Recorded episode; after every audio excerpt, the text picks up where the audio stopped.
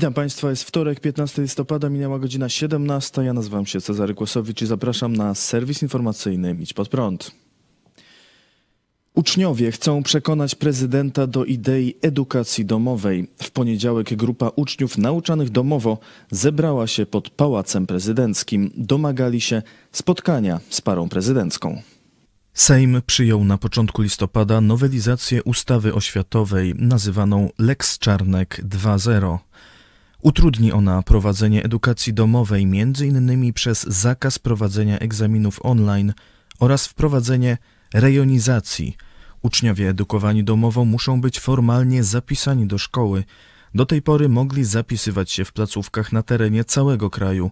Teraz posłowie chcą nałożyć ograniczenie. Będzie można zapisać się tylko w swoim lub sąsiednim województwie. Organizator zebrania przed Pałacem Prezydenckim, 17-letni Jakub Wojda, mówił, że chce porozmawiać z prezydentem i jego żoną, pokazać im, na czym polega edukacja domowa i jak działa szkoła w chmurze. Zebrani argumentowali, że zmiany przyjęte przez Sejm uderzą w uczniów edukowanych w domach, szczególnie z małych miejscowości i rodzin wielodzietnych. Apelowali, by nie utrudniać rozwoju edukacji. Sprzeciwiali się też temu, by zmiany wprowadzano bez ich udziału. Oczywiście e, z Pałacu Prezydenckiego nawet nikt do nich e, nie wyszedł. E, tak jak tam czytacie, no całą Polskę, bo 600 kilometrów, no to, to do Warszawy to już naprawdę trzeba chyba gdzieś z granicy jechać. Nie, to jest świństwo. To jest nikt po prostu... nawet, nawet nie prezydent, no ale nikt do tak, nich ta, nie wyszedł, nie, oni nie zaprosił. nie liczyli przecież, że no, prezydent, oni chcieli tylko zaprosić prezydenta, żeby się z nimi spotkał, a powinien jakiś urzędnik, no nie mówi nawet szef, tylko no, żeby ktoś z kancelarii się przedstawił, jestem tu z kancelarii prezydenta Dudy e, i proszę przekażcie to, co chcecie przekazać prezydentowi. Ja przekażę, e, kiedy prezydent będzie miał możliwość się z tym zapoznać. I mniej więcej tak by tych ludzi, te dzieci e, potraktowały. Ale zobaczcie, PiS, który ma słowa pełne frazesów o polskiej rodzinie, o chrześcijaństwie, zobaczcie, jak potraktował tych edukujących domowo rodziców i ich dzieci. Często z różnymi przypadłościami, takimi jak autyzm czy inne. Te dzieci przyjechały no, z taką swoją dziecięcą wiarą. Nie? Dlatego tu by musiał zacząć kląć. No, to przerwę. Jarosław Kaczyński o wysysaniu mózgów. Zdolni, wykształceni Polacy często wyjeżdżają do pracy w innych krajach. Prezes Prawa i Sprawiedliwości krytykował to podczas wystąpienia w Żywcu, sugerując, że problemem jest tu wolność podróżowania. Będziemy naprawdę mocno dążyli do tego, żeby te kwalifikacje, które ci ludzie zdobyli, były w Polsce wykorzystywane, żeby nie było tak, że ci najzdolniejsi błyskawicznie znikają za granicą, bo im tam no, proponują dużo więcej niż tutaj, bo tu właśnie nie ma takich miejsc, gdzie można im dużo zaproponować. My jesteśmy, proszę Państwa, w tym naszym rozwoju, który mimo wszystko postępuje naprawdę w trudnej sytuacji, abstrahując od kryzysu, abstrahując od wojny, to proszę pamiętać, że choćby otwarte granice. No, kto w Polsce się zgodzi na zamykanie granic, jak to było kiedyś? No, nikt się nie zgodzi, ja też się nie zgodzę. No, to jest wielka i ważna wolność, że można wsiąść samochód i pojechać do Lizbony, prawda? I, i po drodze nie być zatrzym, zatrzymywany. No. Więc to jest, ale z drugiej strony to powoduje, że jak ktoś jest naprawdę wybitnie zdolny, to to zauważają. On często jest na tych różnych stypendiach, tych unijnych i tych innych. No i natychmiast dostaje propozycję, żeby być tam, czyli wysysają z nas mózgi. No, można by to zablokować, no ale musielibyśmy zrobić rzeczy, które są społecznie nieakceptowalne. To wszystko nie jest, proszę Państwa, takie proste. Można by to zablokować, ale to jest społecznie nieakceptowalne. Czyli nie, że to jest moralnie złe, tylko to jest społecznie nieakceptowalne. A gdybyśmy tak opór społeczeństwa przełamali w jakiś sposób, a to już inna, inna melodia się wtedy rozpoczyna. Dlatego jest to wypowiedź groźna. To nie ludzie są źli, którzy za chlebem opuszczają Polskę. To państwo jest wyrodną macochą dla tych ludzi. Państwo, gdzie biurokracja, gdzie etatyzm, gdzie wiara, że właśnie urzędnik, państwo, ustawa, uchwała rozwiąże wszystkie problemy ludzi. Oczywiście można to sprowadzić do tego, że ci ludzie chcą pieniędzy. No, ale A się bym rabunek, powiedział, ale z drugiej że strony chcą normalnie żyć. Ktoś powie, no ale ich rodzice płacą podatki, mają prawo do tej edukacji, Oczywiście, tak? Oni oczywiście, płacą oczywiście, podatki. absolutnie. To też tutaj nie jest, jest- tak, że tylko państwo im coś daje. Jemu chodzi o to, żeby znowu napuścić jednych Polaków na drugich. Żeby właśnie tych, którzy chcą wyjechać, e, ich napiętnować. Jest tylko jeden sposób na zatrzymanie Polaków w Polsce. Silne państwo. I kropka. I nie ma innego sposobu. Nie zbudujemy silnego, ale nie władzą katokomuchów, totalitarniaków, nie? Tylko silnego wolnością. Silnego, można powiedzieć, zdrowymi zasadami społecznymi. Rosja musi oddać całe okupowane terytorium. Ukraina nie pójdzie na kompromisy z Rosją, zapewnił o tym prezydent Ukrainy oraz naczelny dowódca sił zbrojnych. Prezydent wystąpił na szczycie G20 online. Ukraina nie jest członkiem G20, ale została zaproszona na tegoroczny szczyt. Według Zełenskiego, by zagwarantować pokój, trzeba wprowadzić rozwiązania gwarantujące bezpieczeństwo jądrowe, żywnościowe i energetyczne, uwolnić wszystkich jeńców i deportowanych i przywrócić integralność terytorialną Ukrainy.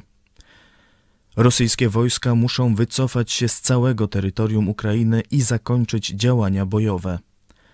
Ponadto Załęski wymienił przeciwdziałanie zbrodniom przeciwko środowisku, niedopuszczenie do eskalacji oraz podpisanie dokumentu o zakończeniu wojny.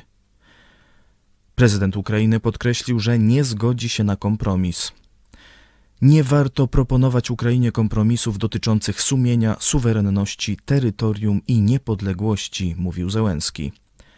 Zapewnił, że Ukraina nie pozwoli, aby Rosja przeczekała, wzmocniła siły i później rozpoczęła nową serię terroru i globalnej destabilizacji. Nie będzie żadnych umów Mińsk III, które Rosja złamie od razu po zawarciu, mówił Załęski. W poniedziałek prezydent Ukrainy stwierdził też, że Rosja musi zapłacić za krzywdy wyrządzone Ukrainie. Po tym jak Zgromadzenie Ogólne ONZ przegłosowało niewiążącą rezolucję rekomendującą utworzenie rejestru szkód wojennych wyrządzonych przez Rosję oraz mówiącą o konieczności pociągnięcia Rosji do odpowiedzialności także w drodze reparacji, Wołodymyr Załęski napisał na Twitterze: Agresor zapłaci za to, co zrobił. O braku gotowości na kompromis z Rosją zapewnił też naczelny dowódca sił zbrojnych Ukrainy, generał Wałeri Załużny, relacjonując swoją rozmowę z amerykańskim generałem Markiem Milejem, przewodniczącym Kolegium Połączonych Szefów Sztabów, napisał: Zapewniłem, że będziemy walczyć, póki starczy nam sił. Nasz cel to wyzwolenie całej ukraińskiej ziemi spod rosyjskiej okupacji. Nie zatrzymamy się na tej drodze pod żadnym warunkiem. Ukraińscy wojskowi nie zaakceptują żadnych negocjacji, uzgodnień czy kompromisowych rozwiązań. Warunek do podjęcia negocjacji jest jeden: Rosja ma opuścić wszystkie zajęte terytoria.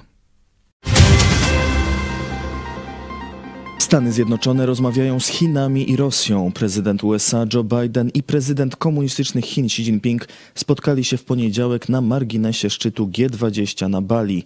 Natomiast szef CIA spotkał się z szefem rosyjskiego wywiadu. Rozmowa Joe Bidena i Xi Jinpinga dotyczyła m.in. możliwości użycia przez Rosję broni atomowej. Jak głosi wspólny komunikat po spotkaniu, przywódcy potwierdzili stanowisko, że wojny nuklearnej nigdy nie należy toczyć i że nie można jej wygrać oraz podkreślili swój sprzeciw wobec użycia lub groźby użycia broni nuklearnej w Ukrainie. Joe Biden na konferencji prasowej po spotkaniu powtórzył poparcie dla polityki jednych Chin. Zapytany o kwestię Tajwanu powiedział: Nie sądzę, by ze strony Chin doszło do jakichś rychłych prób napaści na Tajwan. Nigdy nie musi do tego dojść i jasno powiedziałem, że nasza polityka w sprawie Tajwanu w ogóle się nie zmieniła. Xi Jinping stwierdził, że Chiny są gotowe do bardziej szczerej i dogłębnej wymiany opinii ze Stanami Zjednoczonymi. Zaznaczył, że zarówno on, jak i Joe Biden chcą wytyczyć właściwy kurs i znaleźć właściwy kierunek dwustronnych więzi i wejść na ich wyższy poziom.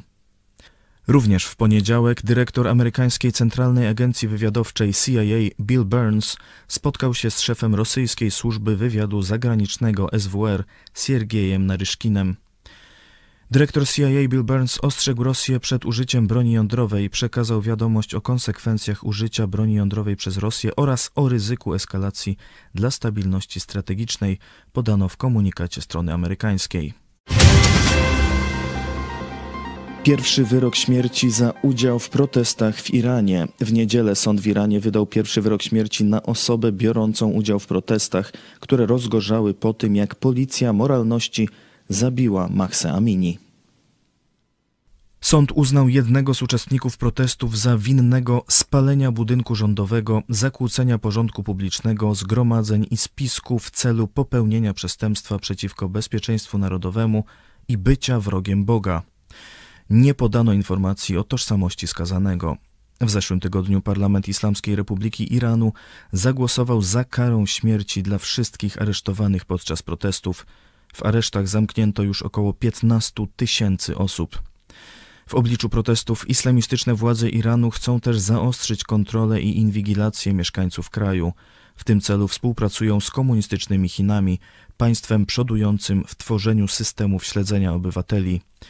Irański reżim ajatollahów chce skopiować od Chin systemy monitoringu, rozpoznawania twarzy i cenzury internetu oraz wykrywania i śledzenia aktywistów i liderów demonstracji.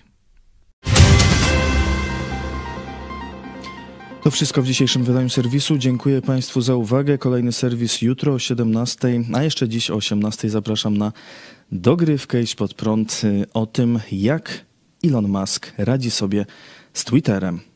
Do zobaczenia.